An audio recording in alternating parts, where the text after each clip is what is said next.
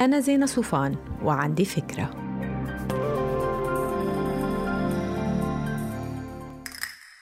هاي بيقولوا إنه اللي بيبدوا الادخار لتقاعدهم بعمر 30 بيحتاجوا يدخروا 15% من مدخولهم العام ويقوموا باستثمار هاي المدخرات لحد ما يوصلوا للتقاعد.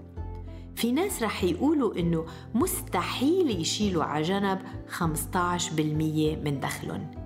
بالغالب السبب هو غياب التنظيم المالي ومش عجز حقيقي. مش لازم نبدأ ب 15% بس لازم نبدأ ولو بخمسة بالمية وبتصير عشرة وأكثر وفق خطة. وأكبر غلط ممكن يرتكبه شخص هو إنه يوضع كل مدخرات التقاعد بأصل واحد سواء كان عقار أو سهم أو بورصة واحدة حتى.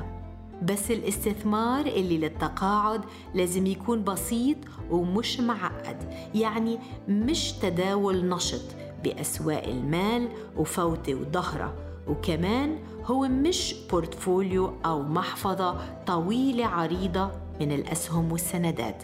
هو يمكن خلطة صغيرة من الصناديق اللي بتستثمر بالأسهم والسندات والعقار. هلأ لما نكون أقرب للعشرينات والثلاثينات من عمرنا فينا نحط جزء كبير من مدخراتنا لحد 70% بالأسهم اللي مخاطرها أعلى. بس أكيد ما فينا نعمل هيدا الشي بعمر الخمسين.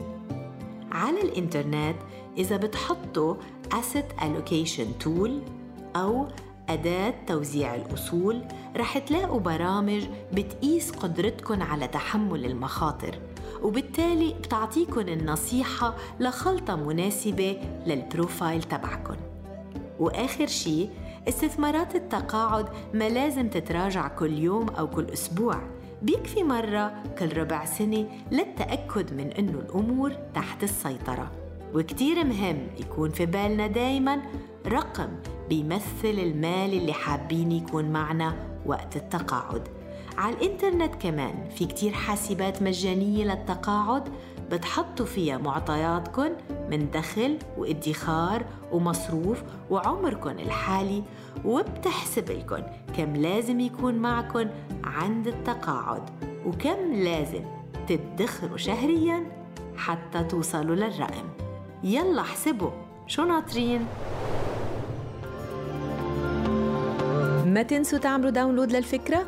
تعطوها rating وتساعدوني بنشره. bye.